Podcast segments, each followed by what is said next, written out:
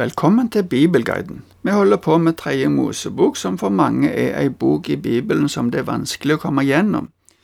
Det er mye her som kan være vanskelig å forstå, og som ikke lenger er så aktuelt for oss i vår sammenheng. Men det er allikevel fint å lese dette òg, og se hvordan Gud ville at Israel skulle leve.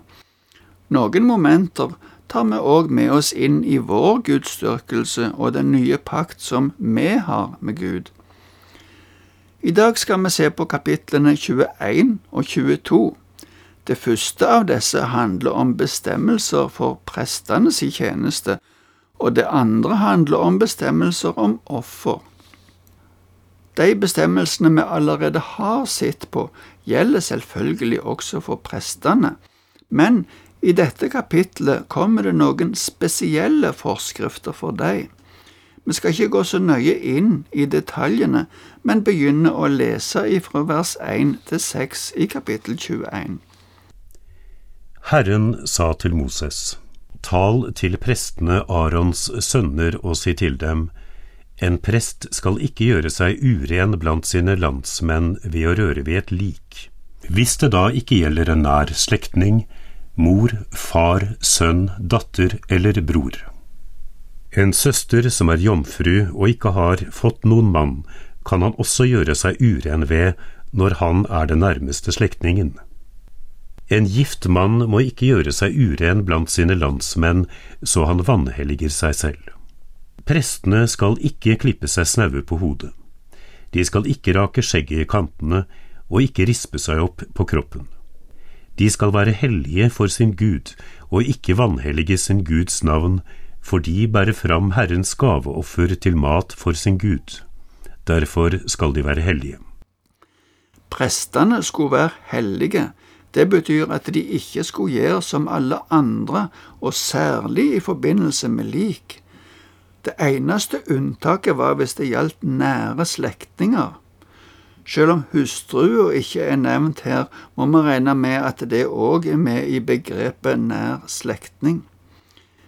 I tillegg til forskriftene i forbindelse med at noen dør, blir det understreket også på det seksuelle området at det er strengere for prestene enn for andre personer. Det leser vi om i fortsettelsen fra vers 7 til 15. Ingen av dem må gifte seg med en kvinne som er prostituert eller vanæret, og heller ikke med en kvinne som er skilt fra mannen sin, for presten er hellig for sin Gud. Og du skal holde ham hellig. Han bærer fram mat for din Gud.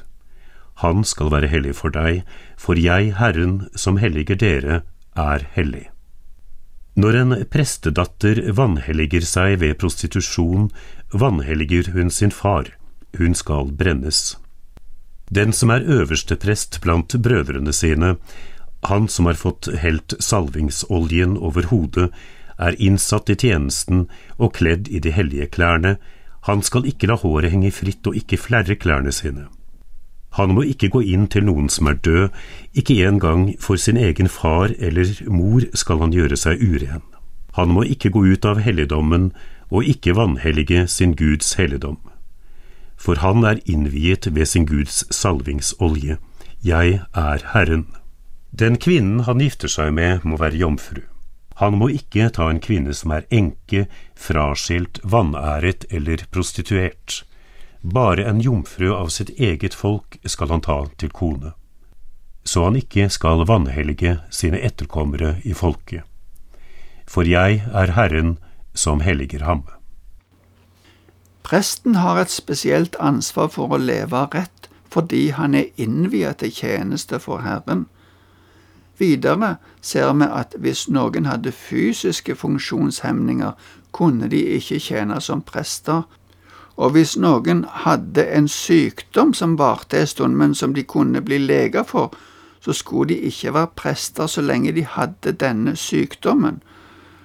Vi leser resten av kapittel 21. Herren sa til Moses, Tal til Aron og si, Gjennom alle slekter skal ingen av dine etterkommere som har en feil på kroppen, komme og bære fram mat for sin Gud. Ingen som har en feil, kan ofre. Ingen som er blind eller halt, ingen med en kroppsdel som er for kort eller for lang, ingen som har en brukket fot eller hånd, ingen som er pukkelrygget eller dverg, ingen som har en hvit flekk på øyet eller skabb eller utslett, og ingen som er skadet i pungen. Ingen av presten Arons etterkommere som har en feil, skal komme og bære fram Herrens gaveoffer. Har han en feil, skal han ikke komme og ofre mat for sin Gud. Han kan få spise sin Guds mat, både av det høyhellige og av det hellige, men han må ikke komme fram til forhenget og ikke tre fram for alteret siden han har en feil.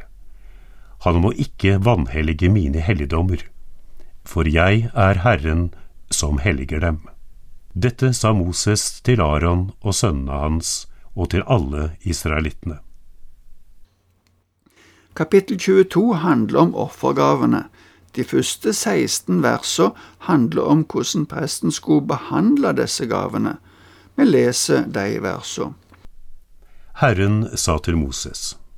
Si til Aron og sønnene hans at de skal være varsomme med de hellige gavene som israelittene vier til meg, så de ikke vanhelliger mitt hellige navn. Jeg er Herren. Du skal si til dem, dersom noen av etterkommerne deres i slekt etter slekt kommer nær de hellige gavene som israelittene vier til Herren, mens han er uren, skal han støtes bort fra mitt ansikt. Jeg er Herren. Ingen av Arons etterkommere som har hudsykdom eller utflod, skal spise av de hellige gavene før han er blitt ren. Det skal heller ikke den som rører ved noen som er blitt uren ved lik, eller den det går sæd fra, eller den som rører ved noe krypdyr som en blir uren ved, eller ved et menneske som en på en eller annen måte blir uren ved. Den som rører ved noe slikt er uren helt til kvelden, og han skal ikke spise av de hellige gavene før han har vasket hele kroppen i vann. Når solen går ned, er han ren. Deretter kan han spise av de hellige gavene, for det er maten hans. Dyr som er selvdøde eller ihjelrevet skal han ikke spise, for da blir han uren. Jeg er Herren. De skal holde seg til det jeg har bestemt, så de ikke pådrar seg skyld og dør fordi de vanhelliger det som er hellig. Jeg er Herren som helliger dem. Ingen uinnviet skal spise det som er hellig. Den som har tilhold hos presten eller er leiekar hos ham, skal ikke spise det som er hellig. Men når en prest kjøper en slave som sin eiendom for penger, da kan slaven spise av det hellige. De som er født i hans hus, kan spise av maten hans. Når en prestedatter gifter seg med en uinnviet, må hun ikke spise av de hellige offergavene. Men blir hun enke eller fraskilt og ikke har barn, og hun så vender tilbake til sin fars hus, da kan hun spise av maten hans som da hun var ung. Men ingen uinnviet skal spise av den. Når en mann av vannvare spiser noe hellig, skal han betale presten for det hellige og legge til en femtedel. Prestene skal ikke vanhellige de hellige gavene som israelittene gir til Herren, og føre synd og skyld over folket ved å la dem spise de hellige gavene. For jeg er Herren som helliger dem. De fleste av disse forskriftene har vært gjennomgått tidligere, men det var ekstra viktig for prestene å følge de nøye.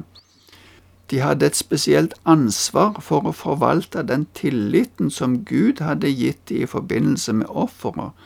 Vi leser videre resten av kapittel 22 ifra vers 17 til 33. Herren sa til Moses, Tal til Aron og sønnene hans og til alle israelittene og si, Når en israelitt eller en av innflytterne i Israel bærer fram et offer, enten det er et løfteoffer eller et frivillig offer de bærer fram for Herren som brennoffer, må det være slik at dere kan vinne velvilje. Det skal være et feilfritt hanndyr av storfe, sauene eller geitene. Noe som har en feil, må dere ikke ofre, for det vil ikke gi dere velvilje. Når noen bærer fram for Herren et fredsoffer av storfe eller småfe, enten for å innfri et løfte eller for å bringe et frivillig offer, da må det være et feilfritt dyr hvis det skal vinne velvilje. Det må ikke finnes feil på dyret. Dere skal ikke bære fram for Herren et dyr som er blindt, eller har brukket et bein, eller har sår, eller lider av byller, skabb eller annet utslett. Dere skal ikke legge gaveoffer av slike dyr på alteret for Herren. En okse eller sau som har for lange eller for korte lemmer, kan du ofre som frivillig offer, men som et løfteoffer blir det ikke tatt imot med velvilje. Dyr som har fått testiklene klemt eller knust, revet eller skåret, skal dere ikke ofre til Herren. Slikt må dere ikke gjøre i landet deres. Heller ikke skal dere kjøpe slike dyr av utlendinger og bære dem fram som mat for deres Gud. Dyrene er skadet, det er en feil på dem, dere kan ikke vinne velvilje ved dem. Herren sa til Moses. Når en kalv eller et lam eller et kje blir født, skal de følge moren i sju dager. Men fra den åttende dagen av blir de mottatt med velvilje som gaveoffer for Herren.